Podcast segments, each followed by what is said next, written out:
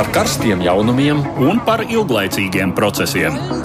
par idejām, par cilvēkiem, par naudu, Un par laiku, par abām mūsu planētas puslodēm. un lietojot abas smadzeņu puslodes. Ēterā raidījums divas puslodes. Esiet sveicināti, ir trīs pēcpusdienā, un tas ir laiks, kad pie jums nāk raidījums divas puslodes studijā. Esmu Uģis Lībijams, Latvijas radio ziņdienas, un arī kolēģis Edvards Liniņš. Sveicināts! Labdien! Un tas nozīmē, ka turpmāko stundu mēs atkal runāsim par to, kas notiek pasaulē. Un šodien lielāku uzmanību mēs pievērsīsim trijiem lieliem tematiem.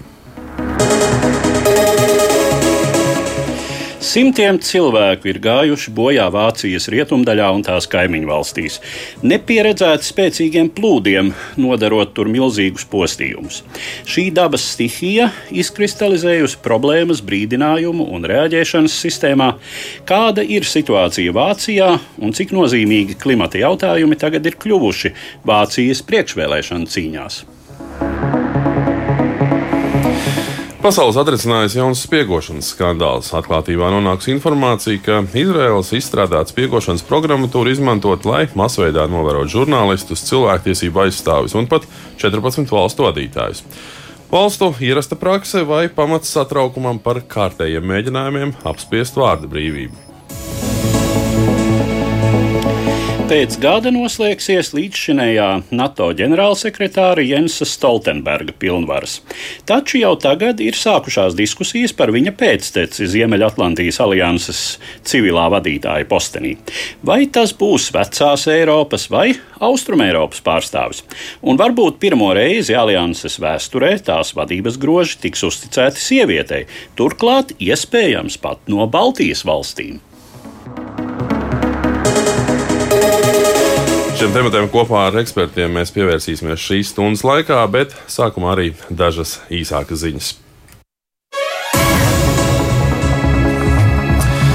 Baltkrievija var palīdzēt Lietuvai cīnīties ar pieaugušo nelegālo migrāciju pāri ap valstu robežai, bet ne jau par brīvu. Par to nedēļas sākumā paziņoja Baltkrievijas autoritārais līderis Aleksandrs Lukašenko. Pēc viņa vārdiem tieši Lietuvā darbojoties noziedzīgie grupējumi, kuri tad arī organizējot nelegālo migrantu pārvešanu pāri robežai, taču varas iestādes izliekoties to neredzam, bet apsūdzot krīzē tieši Baltkrieviju. Tādējādi cenšoties slēpt patiesību. Pēc viņa sacītā robežu kontrola, tā skaitā arī nelegālās migrācijas, narkotiku ieroču kontrabandas apkarošana izmaksā dārgi.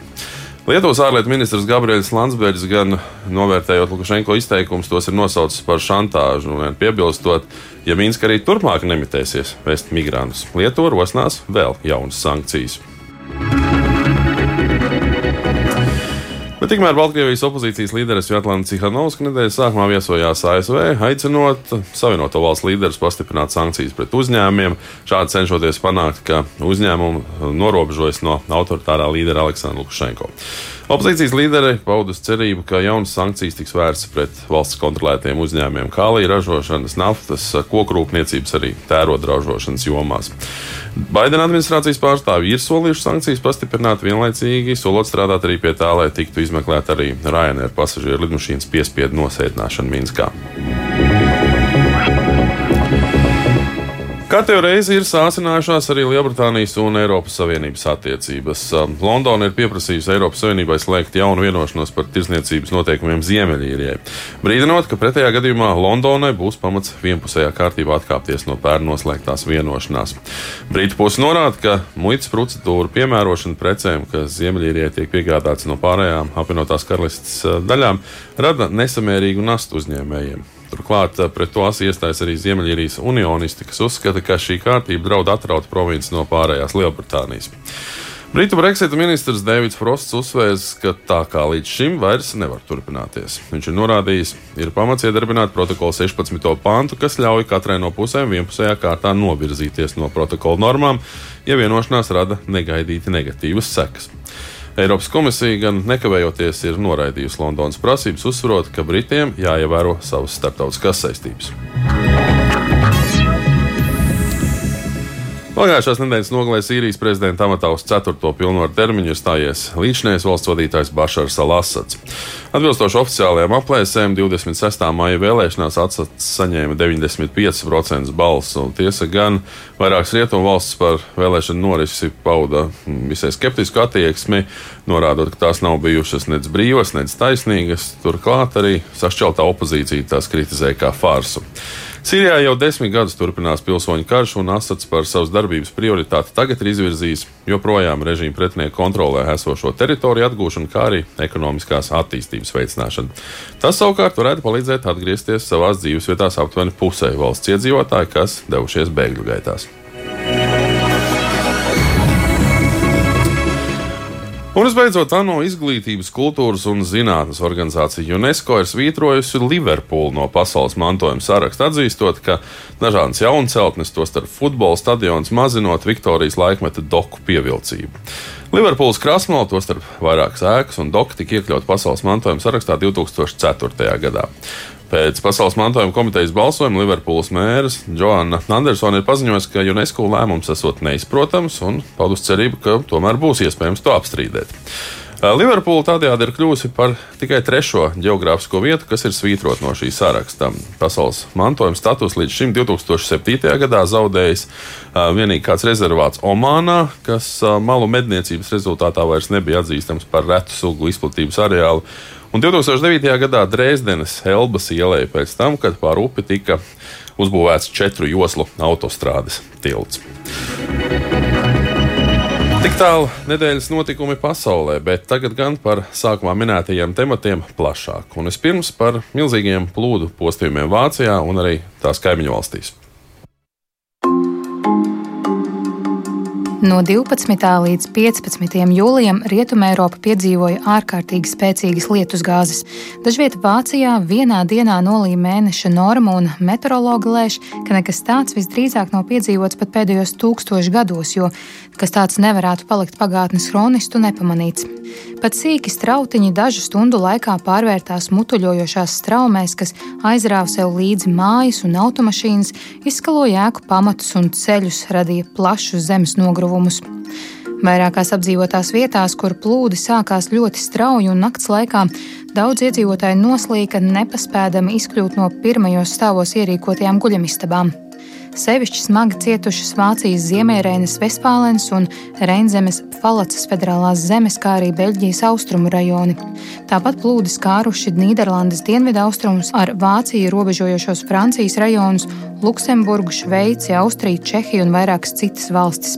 Bojā gājušo skaita ziņā Vācijā un Beļģijā šī ir vairākās paudzēs nepieredzēta katastrofa. Vācijā šobrīd reģistrēta 170, Beļģijā 32 upuri.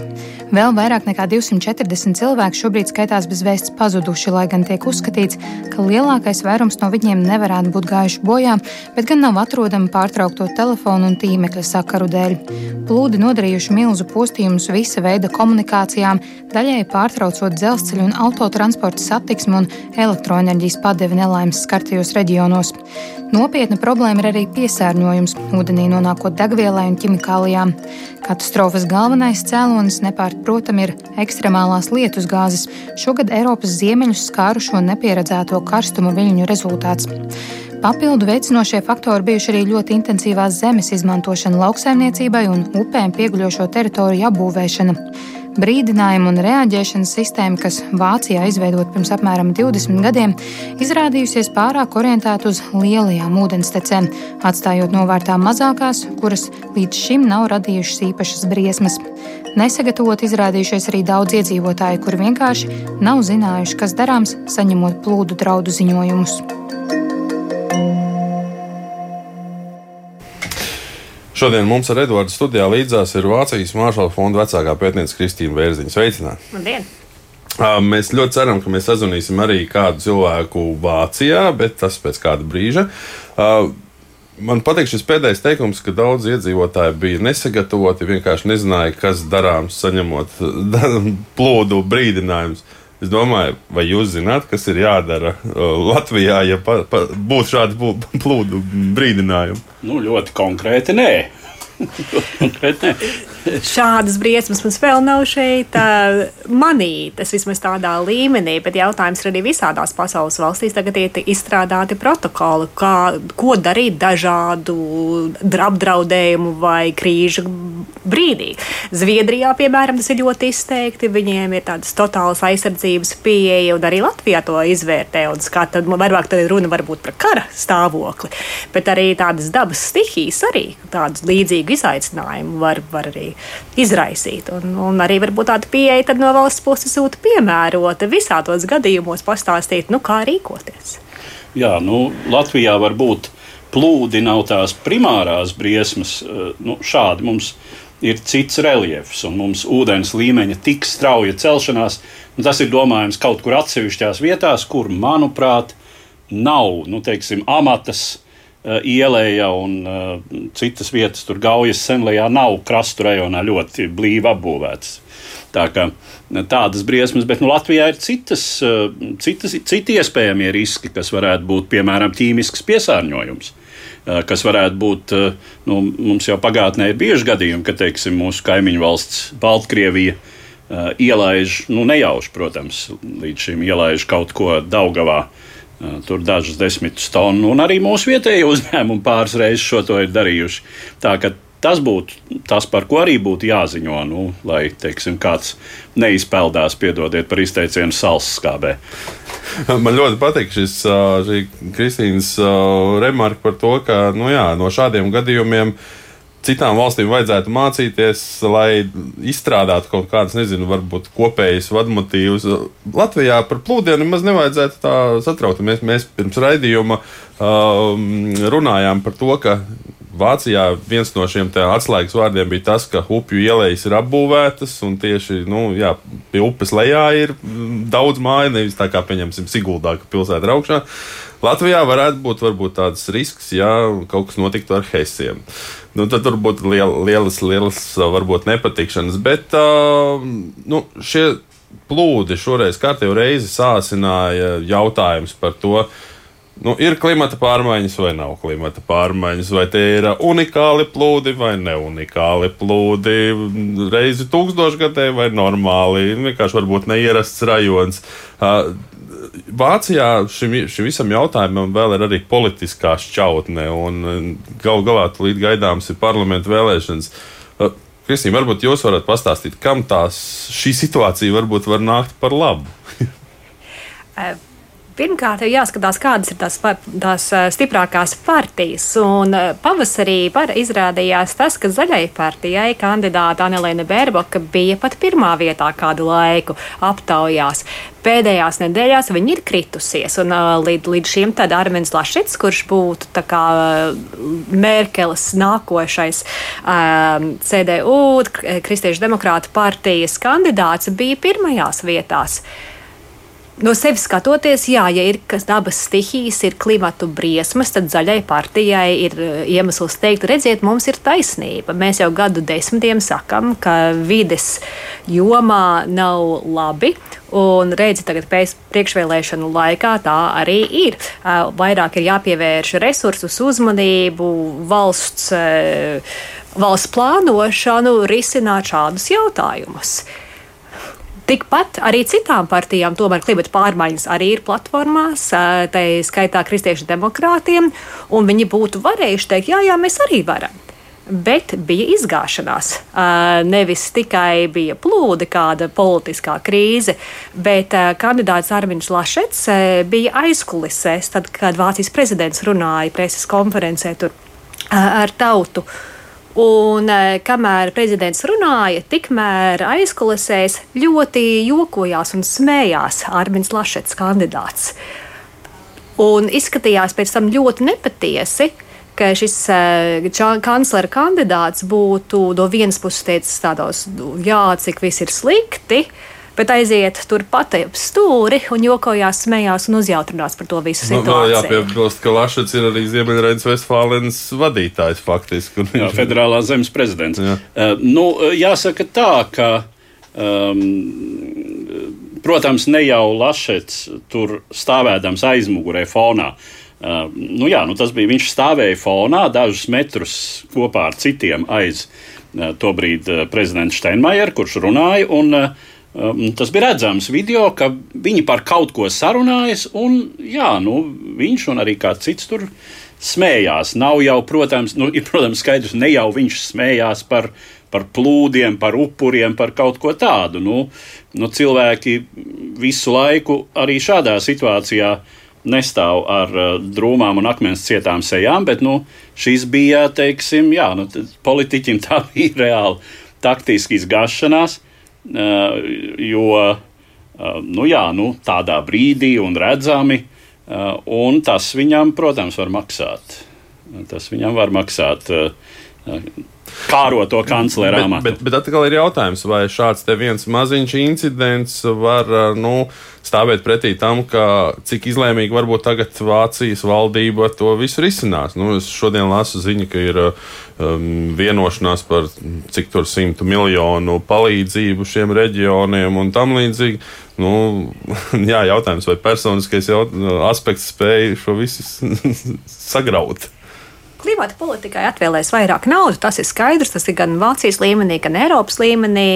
Tas iet uz priekšu, bet personiskais tas būs ļoti noteicošs. Man liekas, priekšvēlēšanu laikā tā filmiņa būs to spēlēs katru reizi, kad būs jautājums par to, cik Lašets ir patiesa kandidāts, vai viņš nav, vai nav samākslots. Viņam būs, man liekas, līdz septembra beigām jātaisnojas par savu uzvedību. Bet, bet šajā brīdī mēs esam sazvanījuši kolēģi, arī žurnālisti Ievu Albertu, kas uh, bija, var teikt, Vācijā notikuma epicentrā, kad šie plūdi notika. Sveicināti! Jau. Jā, sveiki, Uģi. Uh, es gribētu pastāstīt, nu, jūs uh, nu, toreiz bijāt tieši šajo, nu, šajā plūdu vietā. Uh, Um, ar kādiem izaicinājumiem varbūt nācās saskarties pašai, un kāds bija apkārtējo noskaņojums, uh, reakcija par visu šo notiekošo? Jā, uh, es pati dzīvoju Disseldorfā ikdienā, un uh, tur to noskaņojumu tā nevarēja manīt, bet 130 km no manas dzīves vietas plūdos, ārlaivailā un šūdas ciematā, kur ir cietuši visvairāk, tā situācija ir, nu, ne, negribas atkārtot Merkeli, bet nu, nevar, nav tāda vārda, kā pateikt, bet es teiktu traģiska un tās sejas cilvēku un palīdzība arī tāda kā Latvijā pēc Maksimas bija, kad cilvēki ļoti izpalīdzīgi un arī ļoti kaut kā saliedēti, bet tāpat laikā ļoti, ļoti, ļoti skumji un traģiski. Tad, kad es tur aizbraucu, pirmā doma man bija, pēc, nu, jau pa ceļam, kāpēc es nenopirku dzeramo ūdeni tiem cilvēkiem. Jo tad, kad es tur aizbraucu, protams, tur nebija neviena veikala, un tur visvairāk trūka dzeramā ūdens un elektrības. Elektrība ne tikai pārauta, bet arī atslēgta, lai pēkšņi nav kāda elektrotrauma, ja kāds ieslēdz slapju fēnu vai kaut ko. Un, um, jā, es domāju, es uh, tagad vēl pat vakar sazinājos ar Caritas International, kur ir saziedoti desmit miljoni uh, vienkārši tā privāti ziedoti. Uh, un ir kāds aptuveni desmit ziedojuma konti, kur var sūtīt naudu. Jo nauda ir tas, kas jau pusotrs miljonus ir uh, aizgājis tieši tur, kur vajadzīgs, jo cilvēkiem ir uz mājām tekstīrīšanas līdzekļus vai nezinu, tur pie psihologa aizbrauktu. Vai, Bet šobrīd tur visvairāk ir vajadzīgas palīdzīgas rokas, kas izvāda dubļus, kas ir līdz potītēm. Nu, es, es arī stāvēju tā kā izkusušā balta, eh, melnajā šokolādē līdz potītēm. Tagad viņi tā labi piecepjās vēl siltumā. Nu tā. Es šodien lasīju, ka tiek prognozēts, ka apdrošinātājiem pašlaik šī summa varētu izmaksāt aptuveni nepilnus, nu, nedaudz vairāk kā 5 miljardus um, eiro. Uh, cilvēki uz vietas, nu jā, protams, šie postījumi ir lieli, bet uh, Nu, kāds ir tur viņu noskaņojums? Nu, parasti jau šādos, kā jau minēji, arī par to, ka ir daudz cilvēku iesaistās ziedojot, bet kā paši cilvēki tur organizējās, kā viņiem ir sajūta? Viņi tie, kas ir tur uz vietas un kas nav aizbraukuši uz viesnīcām vai pie radiem citur, nu, viņiem ir tāda ļoti liela, teikšu, Baltijas ceļa sajūta laikam, jo viņi tajā vakarā, kad es tur biju, viņi uz grila cep un, un iedzer alu. Jo, nu, ko viņi citu darīs tajā vakarā bez gaismas? Uh, bet pa dienu, ap dienu arī ir pietiekami tas noskaņojums draudzīgs tāds. Bet uh, kas man iekrita acīs, ka bija atvestas pirmie, kas noreaģēja, bija privāti cilvēki, kuri atveda pārtiku un uh, apģērbus. Nevis uh, organizācijas, NVO vai labdarības organizācijas, bet privāti no vietējiem. Un līdz ar to bija savas drēbes, kas faktiski nedara, nav vajadzīgas, savas pārtika, kuru cilvēki nēd vai negaršo. Un tad, kad nāca precīzā palīdzēšana, tad, protams, cilvēki tika pie tā, ko viņiem vajag. Un tā kā es biju plūdu uh, otrajā dienā un trešajā dienā, tad, tad jau bija sasniegusi tā pareizā palīdzība. Bet pirms tam bija tiešām viņi man rādīja tās drēbes, kas ir atvestas, ka cilvēki visi grib kaut kā palīdzēt, bet nezina kā. Un līdz ar, līdz ar sociālo tīklu parādīšanos tur ir tik daudz mirkļu, pirkas, ka kāds grib palīdzēt. Un ir izveidotas viņas tā, ka vienkārši pašdarbībā vāc kaut ko, jo tādas. Jo Vācijā jau ikdienā nevienam tā īpaši nevajag kaut ko ziedot. Tāpēc es domāju, cilvēki beidzot vai pirmo reizi ilgiem laikiem kaut kā ļoti saliedējas un ziedo. Un tad varbūt patrāpās kāda kļūda, ka, ka visai ir pa daudz. Uģi, jā, pal jā, paldies, paldies. Šajā brīdī ja, saku kolēģei žurnālistei Ievai Albertei, kas stāstīja, kāda ir viņas pieredze viesojoties arī plūdumu izpostītajos reģionos Vācijā. Mēs atgriežamies šeit studijā. Jautājums, Kristīna, šeit tika pieminēts, ka nu, faktiski Vācijas sabiedrība nav nu, viņai nav īsti bijis nepieciešams vienam otram varbūt palīdzēt, un nav arī tā pieredze tik liela. Vai, vai vispār tas ir kaut kā labojams, vai nepieciešams labot, vai arī nu, to struktūrēt kaut kā? Nu, jo parasti tiešām nu, tā senais seriāls bagāti ar raudu. Jūs jau minējāt, ka jāgatavojas tagad vienreiz tūkstošgadē notiek, notiekošām katastrofām, bet ja tās katastrofas notiek vienreiz piecos gados vai vienreiz divos gados, tad varbūt vajag tagad uzkrāt pieredzi, kā rīkoties, kā kaut kas notiek. Eh, man liekas, no valsts puses tomēr būtu labāk tai pirmai palīdzībai nākt vai vismaz paziņot, eh, vēlams, ja vēlaties palīdzēt, vai nu ziedot eh, šiem, vai vest to dzeramo ūdeni, vai ko citu svarīgāku, bet lai no paša sākuma arī informācijas telpā būtu pareizi ieteikumi, kā rīkoties no vietējās vai no, vai no federālās, no valsts valdības puses. Tagad viņiem ir bijusi mācība varētu arī citas stikīs notikt. Citās pasaules pusēs notiek meža ugunsgrēki. Mums arī šeit karstums ir bijis tāds, ka varbūt varētu citādākas briesmas rasties. Arī tādā gadījumā, kā labāk rīkoties. Un izstrādātos protokols jau tagad uzreiz, lai pirm, pirmo 10 vai 15 minūšu laikā ne tikai atbildīgie dienesti jau ir ceļā, bet lai plašākā bāzes saziņas telpā būtu informācija, kā visiem apkārt arī rīkoties. Padomu laikā mums bija arī kodolkara draudi un uh, civilās aizsardzības mācības ar, ar, ar rekomendācijām, kā rīkoties. Tagad ir uh, runa par arī šo visaptverošās valsts aizsardzības programmu, un uh, tur ir, nu, teiksim, tā aizsardzības ministrija vismaz izstrādājusi kādai, kā, nu, kā angliski viņu sauc grab bagi, jeb, nu, paķeramai somai katram būtu mājā jābūt, kur ir pirmās nepieciešamības pre, preces. Varbūt, jā, tiešām šādas te notikums Vācijā var mudināt jūs arī pastīties mājās, iet šajās aizsardzības liekas, ministrijas mājaslapā un apstīties, tā, kam tad tajā somā jābūt. Ir, ja nu, to varētu tikai ieteikt, jo mm, es nebūtu neesmu optimistisks šai ziņā. Es domāju, ka šādas kataklizmas nu, tās uh, notiks. Man nav īpaši šaubu par to, ka šīs klimata pārmaiņas um, ir tā sacīt uz palikšanu, un tas jau nav būtiskais, vai tās ir kaut kādu dabisku ciklu izraisītas primāri vai cilvēka ietekmes. Jebkurā gadījumā ir skaidrs, ka uh, ja ir pat šis dabiskais teiksim, temperatūru svārstību cikls ik pa mm, simtiem vai tūkstošiem gadu, tad cilvēces darbība to šobrīd nozīmīgi pastiprina.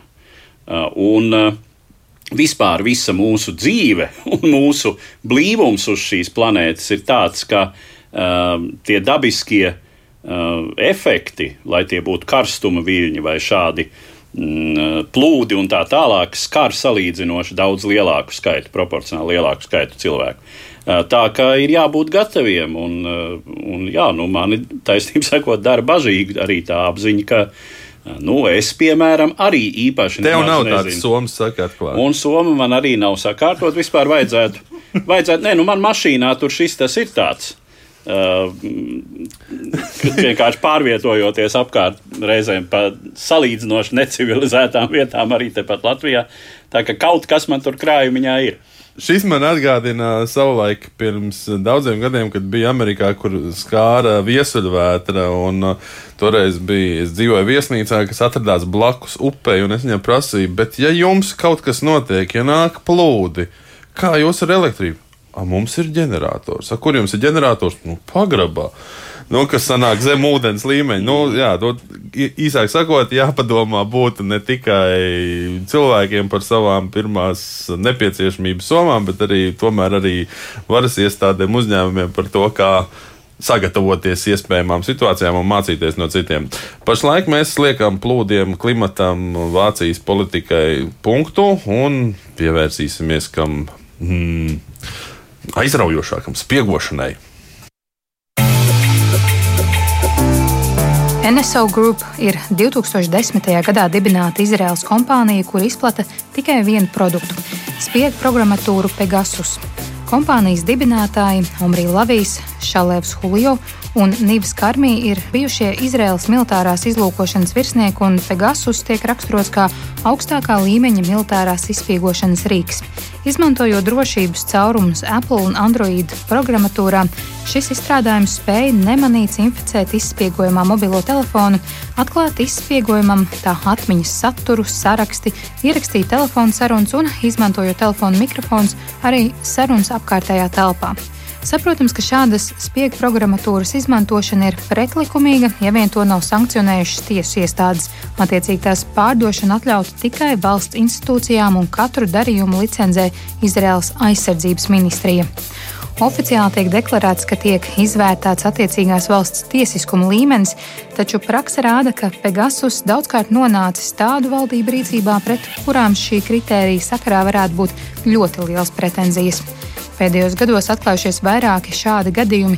Skaļākais no tiem - Saudārābijas žurnālista Džamala Kašogijas slepkavība 2018. gadā, pirms kuras Saudu izlūkdienests ar šīs spiegu programmatūras palīdzību izsakojas viņa tuviniekus. Pagājušās nedēļas nogalē Pegasus tēma guva jaunu izvērsumu, kad starptautiskā cilvēktiesība organizācija Amnesty International un Parīzē bāzētā bezpēļņas žurnālistikas grupas Forbidden Stories nāca klajā ar 50 tūkstošu personu sarakstu, kuru saziņa iespējams tikusi pakļauta izspiegošanai ar šo programmatūru. Sarakstā ir vairāku valdību vadītāji, tā skaitā arī Francijas prezidents Emmanuels Macrons, Marokas karalis Mohameds VI, Pakistānas premjerministrs Imrans Hāns, Dienvidāfrikas prezidents Sirils Ramafosa un citi.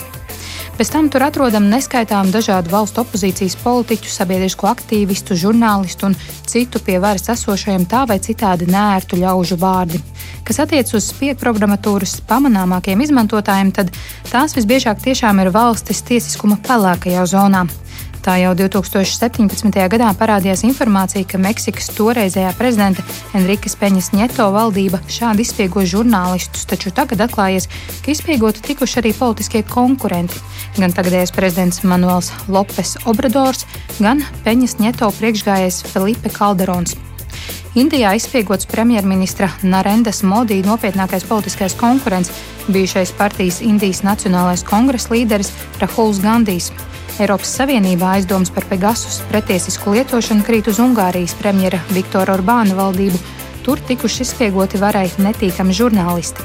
Ungārijas premjerministra vietniece Katalīna Novāka jau nodēvēja šo informāciju par preses baumām, savukārt Eiropas Liberāļu un Demokrātu alianses vadītājs un Eiropas parlamenta deputāts Gijs Ferhofstads paziņojis, ka Eiroparlamentam jāuzsāk šai sakarā sāba izmeklēšana. Viņš teicis, vairs nekādu esam nopietni nobežījušies, Eiropas Savienības iekšienē briest diktatūra.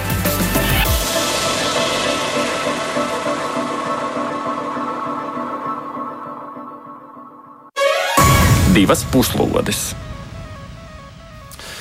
Atgādinu, ka mūsu sarunā joprojām piedalās Vācijas Maršala fonda vecākā pētniece Kristīna Berziņa un arī Edvards Liniņš ir šeit pat. Nu, par šiem spiegošanas skandāliem. Nu, pirmais, kas man krīt acīs, ka nauda nesmird. Programma uztaisīta, tirgojam visiem, kas pērk no vienas puses, ļoti rūpīgi pārbaudām, bet tomēr tirgojam. Un tad tas nonāk pie kaut kā. Nu, tas tā kā ar uh, ieroču tirgošanu. Ka, nu, jā, kārtībai jābūt, kuram katram nē, psihiski slimiem nē, trakajiem nē, vai ne? Vēl kādam, bet nu, tad izrādās, ka diagnozi jau nemaz tik viegli konstatēt nevar. Un sevišķi ir runa par tiesiskumu. Un, tā sacīt, nu, tad, kad Ungārija uzņēma Eiropas Savienībā, tad viss šķita vislabākajā kārtībā.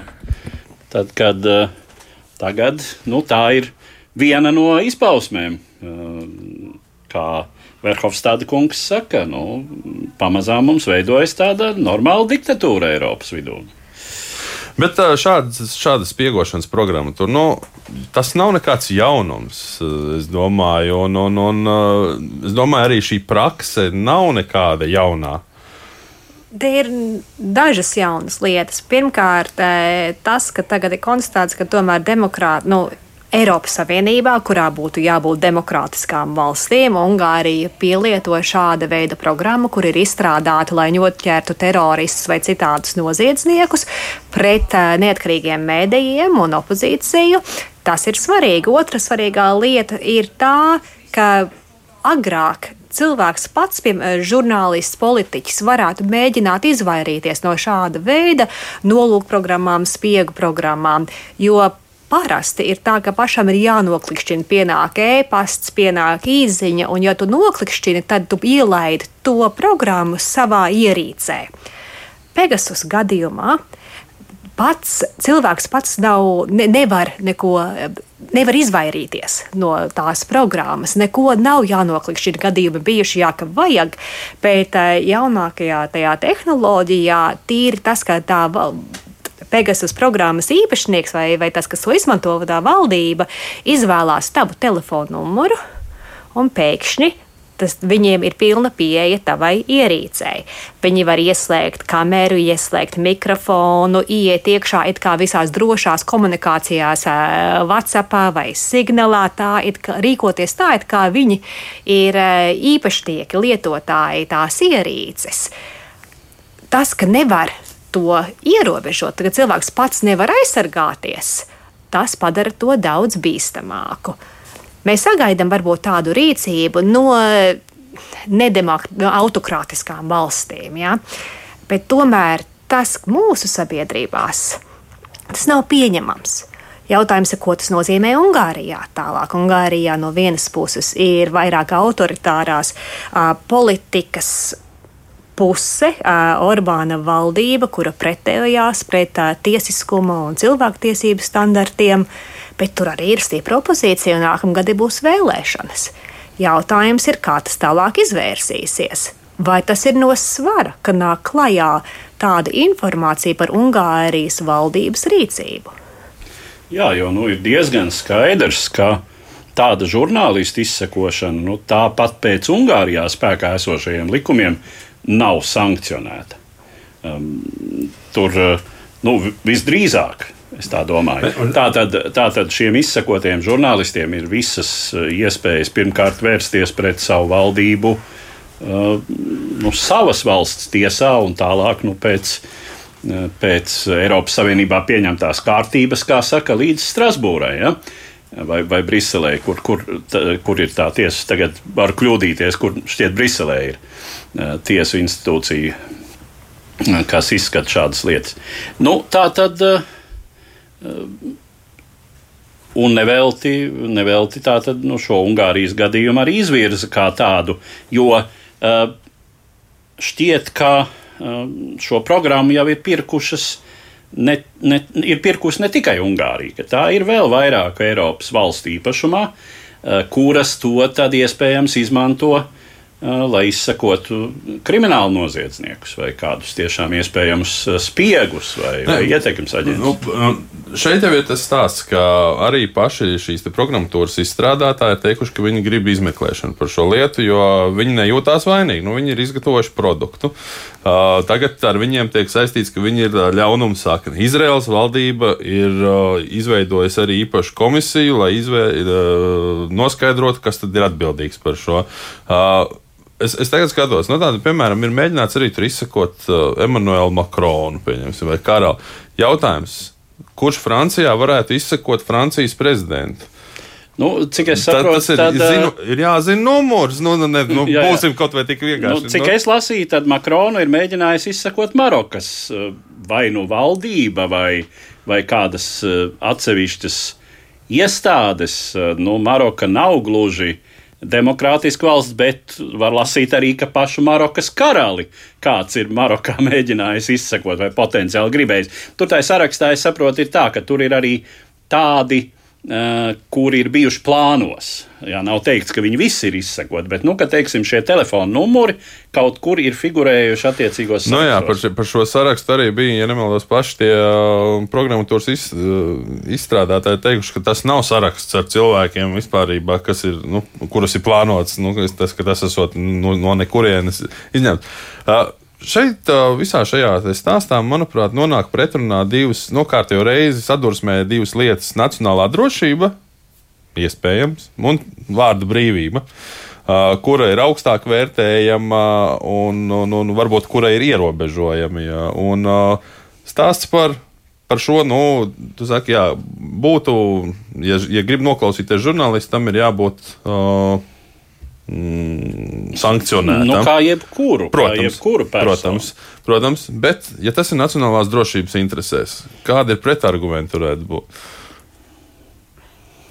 Jautājums, vai, tas, vai noklausīšanās ir uzstādīta tiesiskā ceļā, un vai ir valstī pietiekoši godīgas institūcijas, kuras varētu uh, noteikti tiesiskā ceļā, ka to drīkst. Tā problēma sākās tad, kad e, valstī nav tiesas sistēma, nav pietiekoši brīva, un ka šit, e, šīs nolūkprogrammas paliek daļa no, no represiju sistēmas pret uh, opozīcijas, pret mēdījiem, pret uh, akadēmisko, universitāšu pētniecisko pasauli, lai nospiestu citu veidu informācijas uh, attīstību un, un, un izplatīšanu.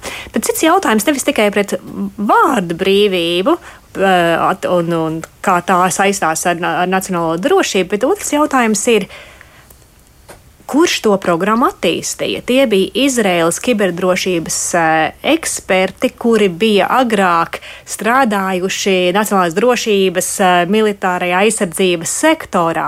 Viņi izmantoja savas zināšanas tajā telpā ļoti, ļoti augstā līmenī un attīstīja privātajā sektorā programmu, kuru pielieto atkal valsts sektors citā valstī. Un izvērtē valsts, lai tirgotu tālāk. tālāk. Jautājums ir, vai drīkstētu šāda veida nacionālā drošības sektorā iegūtās un izmantotās zināšanas izmantot komerciālā telpā, tas ir cits jautājums. Ja? Vai ir pieņemami. Mēs redzam, ka kiberdrošības vispār jomā to, ka ir Berlīnē kafejnīcā sēž puiši, arī kādreiz meitenes, kuras var izstrādāt un izmeklēt caurumus datortehnikas programmatūrā, un uh, tu šo zināšanu pārdod citiem par naudu tīri, uh, kā biznesu, kas var arī, un, un viņiem varbūt nav maz kā interesi, kādā veidā tas tālāk tiek izmantots.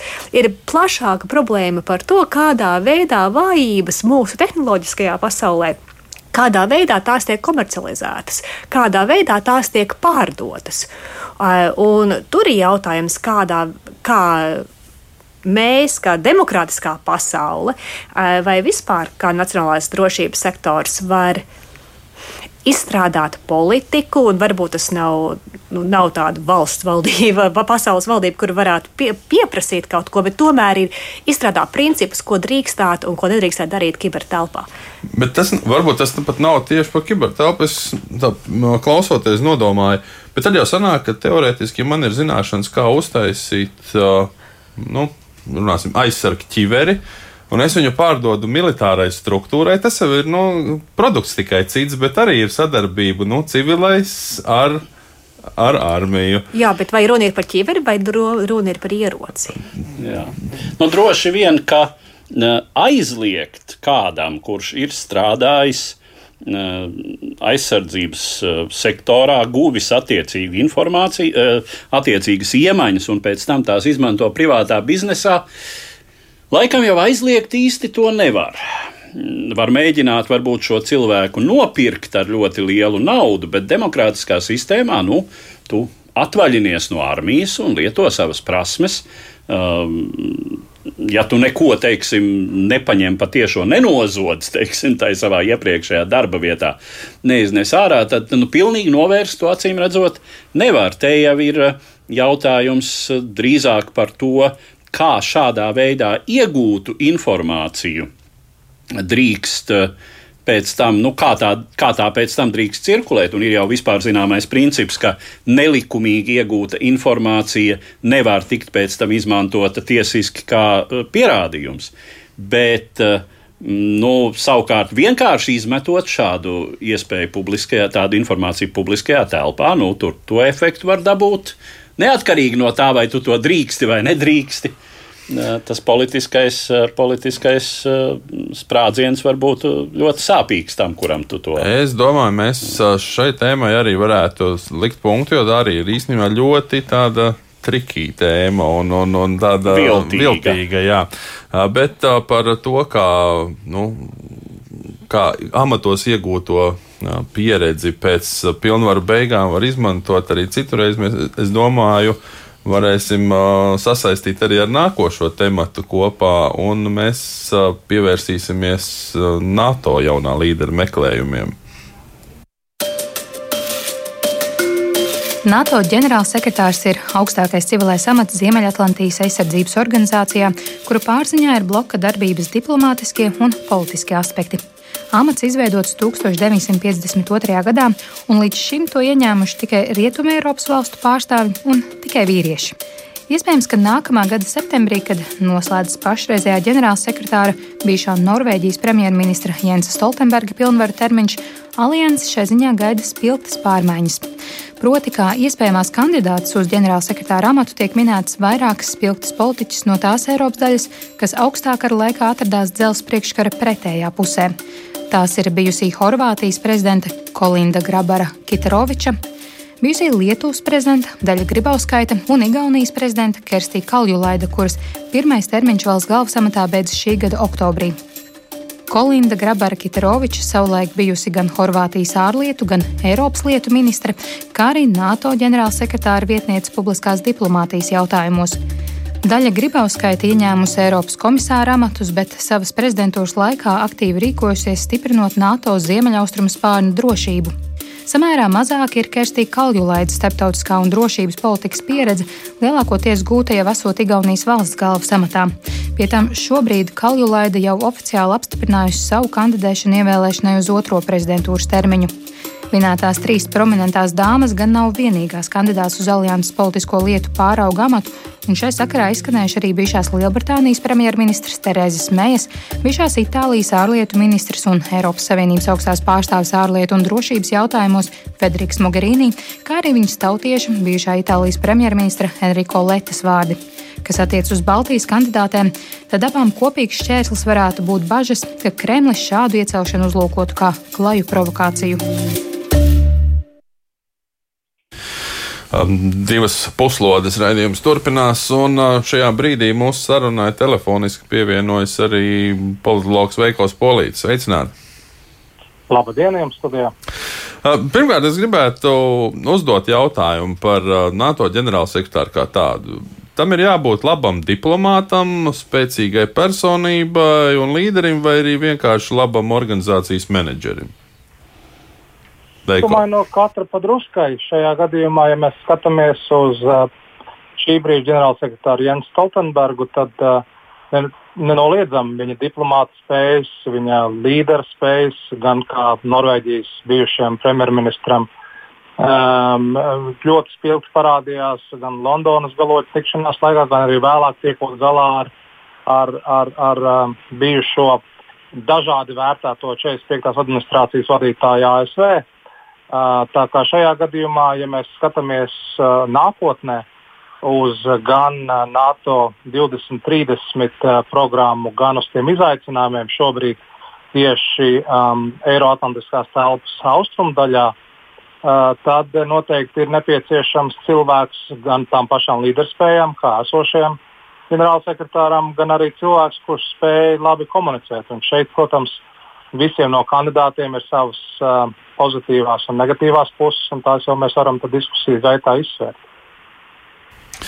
Kristīna, vai vispār ir pamats domāt un cerēt, ka no, kāds no austrumu Eiropas pārstāvjiem varētu vispār cerēt uz šo amatu, nu, kaut vai jau minēto Krievijas potenciālo iebildumu dēļ? Ir pamats cerēt, bet tas nebūs viegli. Uh, ja skatās NATO iekšējo dinamiku, ir Ziemeļvalstis, Dienvidvalstis, Austrumvalstis, Rietumvalstis, vēl Ziemeļamerika. Un ir valstis, kurām būs ļoti noteicoša balss. Francija, piemēram, būs ļoti noteicoša šajā jaunā ģenerāla sekretāra amata e, tur, izvirzīšanā un balsošanā.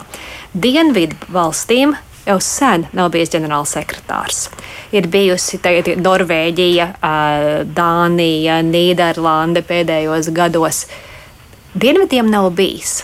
Un iekšējā Ziemeļatlantijas padomes dinamika ziemeļa pret dienvidiem, arī attiecībā uz uh, ģeopolitiskām prioritātēm, tā ir ļoti svarīga dinamika. Atrast līdzsvaru starp ziemeļiem un austrumiem un mūsu bažām un rūpēm par Krievijas draudu un dienvidu prioritātēm, kuras varētu būt vairāk migrācija, Ziemeļāfrika, terorisms un, un tam līdzīgi. Dienvidi noteikti uzstās par to, ka ir viņu kārta. Plus vēl ir Lielbritānijas jautājums. Lielbritānija vairāk nav Eiropas Savienībā, viņiem ir maz vietas starptautiskajā, apri, starptautiskajās aprindās, organizācijās, kur parādīt savu vadību. Eiropā vairāk nē. Uh, G7, nu jā, labi ar to izceļās, bet NATO tas būtu trumpis vai viņi nevēlētos vai nu paņemt paši sev ģenerālsekretāra amatu vai kādu otro tur, e, vietnieka amatu. Tāpēc, ka tad atkal viņi varētu izvirzīties strateģiski, ģeopolitiski priekšgalā. Un arī viņi atrastu labu un arī bieži uh, pieņemamu valodu gan bija austrumos, gan arī Ziemeļamerikā. Vai viņiem tas nebūtu izdevīgi? Un tad sākās šīs intrigas Ziemeļa, Dienvidu, Austrumu, Rietumi, Lielbritānija pēc Brexita. Redzēsim, vai ir izredzes. Noteikti ļoti foršai Baltijas sievietei tikt pie ģenerāla sekretāra amata. Tas būtu kaut kas, nu, nav neiespējami, arī būtu apbrīnojami un brīnišķīgi. Bet daudzi citi arī to ļoti vēlētos sev iegūt, un ģeostrateģiski, un arī nacionālās apziņas iemeslu dēļ izcīnīt to Nu, redzēsim, kā ies. Veiko, es gribētu uzdot jautājumu. Kristīna jau šeit pieminēja šo diezgan lielo, nu, varētu teikt, pret, pretnostatījumu drošības izaicinājumu ziņā. Proti, dienvidos esošo migrāciju, terorismu draudus un austrumos esošo Krieviju. Šajā situācijā, nu, kurš varētu ņemt virsroku. Nu, varbūt tādās nu, tiešām globālo jautājumu, varbūt nu, prioritātēs, kurš varētu būt tas nozīmīgākais jautājums. Jā, paldies Kristīnai par aizkulisku parādīšanu uh, Latvijas uh, radio klausītājiem. Manuprāt, ļoti uh, spilgti ieskicēja to, kādā veidā tad, uh, NATO dalībvalstis spriedīs par nākošo ģenerālsekretāru. Bet atbildot uz tavu jautājumu, tad šajā gadījumā e, jebkura izaicinājuma NATO ir vienlīdzīga. Tā vismaz diplomātiski jums jebkurš atbildēs. Un šeit tomēr uh, tiks skatīts uz to, protams, mēs dzirdam to aizvien vairāk, un tas ir nozīmīgi, kad ir vēlme redzēt pirmo reizi ģenerāla sekretāra amatā sievieti. Uh, un, uh, un šajā gadījumā nākošais pats svarīgākais būs, lai šis cilvēks lai arī kuru dzimumu viņš nepārstāv, būtu ar attiecīgajām iemaņām. Un šeit, ja mēs skatāmies no tām piedāvājuma, vai nu tā būtu Itālijas bijusi ārlietu ministre un augstākā komisāra ārlietās, vai tās būtu Baltijas pārstāvis, vai tā būtu Horvātijas bijusī prezidenta. Es, es liktu likmes uz Horvātijas bijušo prezidentu, jo, kā Kristīna teica par uh, dienvidnieku pārstāvniecību, viņai vēl, protams, pluss ir arī tas, ka viņa ir, ir bijusi gan vienā pusē Atlantijas okeānam, gan otrā. Viņa ir bijusi Amerikas nodaļas vadītāja Horvātijas ārlietu ministrijā, viņa ir bijusi vēstniece Vašingtonā, viņa ir bijusi galu galā, kā arī ievadā minēja, NATO publiskās diplomātijas vadītāja, pirmā sieviete šajā jomā. Viņa NATO uh, virtuvi ļoti labi pazīst. Tā kā šajā gadījumā es teiktu, ka um, Baltijas valstu prezidentiem uh, izredzes ir vājas uh, gan bijušās Lietuvas prezidents nostājā pret Krieviju dēļ, gan arī zināmas nepieredzētības dēļ, kas šobrīd ir esošajā Igaunijas prezidentā. Turklāt Horvātija ir tuvāk dienvidiem nekā Jā, tas varētu būt tāds zināms kompromiss. Uh, Edvards, es tev gribēju jautāt, kā tavuprāt, cik liels ir šis uh, sievietes faktora nozīmīgums? Nu, es domāju, šobrīd tas ir pietiekami liels, jo uh, mēs redzam, ka jau labu laiku sievietes ir ieņēmušas aizsardzības ministra amatus daudzās Eiropas valstīs. Tā ka tas vairs nav nekas ārkārtējs. Un, zināmā mērā tas, ka patiešām tur ir bijuši tikai, tikai vīri, un, un tie tiešām tikai no, no daļas Eiropas valstu, nu tad šis laikam gan ir tas brīdis, kad, kad to varētu mainīt. Un arī tas, ka nu, tā sakrīt, ka šo kandidāšu jau ir pietiekami daudz. Piemēram, nu, no Lielbritānijas Terēza Mēja jau arī droši vien būtu visnotaļ izskatām kandidatūru. Tad, ja, rietum, ja Lielbritānijas intereses šajā gadījumā tiešām gūtu pārsvaru, kas gan ir tāds - neviens neaizmirsīs Brexitu. Nu, tur tā lieta, jā, neviens negrib aizmirst Brexitu, un vairums NATO dalībvalstu arī ir Eiropas Savienības valstis. Un Lielbritānijai piedodiet par izteicienu, visdrīzāk nespīd. Bet nu, Itālija, kas sen nav arī, kuras pārstāvis sen nav bijis šajā matā, Itālija primāri ir tā valsts, kura jūtas sen to nedabūjusi. Nu, tāpēc arī tiek minēti šie Itālijas kandidāti. Pēdējais no dienvidiem bija Javiers Solāna, vai ne? Spānijas pārstāvis. Es, Kolēģi, bet Itāļi tikko uzvarēja futbola čempionātā. nu, tur viņiem paveicās. bet nesāksim mēs trešo pasaules karu par to, kurš labākais futbola spēlētājs. Es Veiko un Kristīnai vēl gribētu, mums ir apmēram katram pa minūtē jautājumu nepilnai. Proti, sieviete NATO organizācijas vadībā sarunas ar dažādām citu kultūru valstīm. Tomēr ļoti liela organizācija, un šeit ir stāsts par drošības jautājumiem.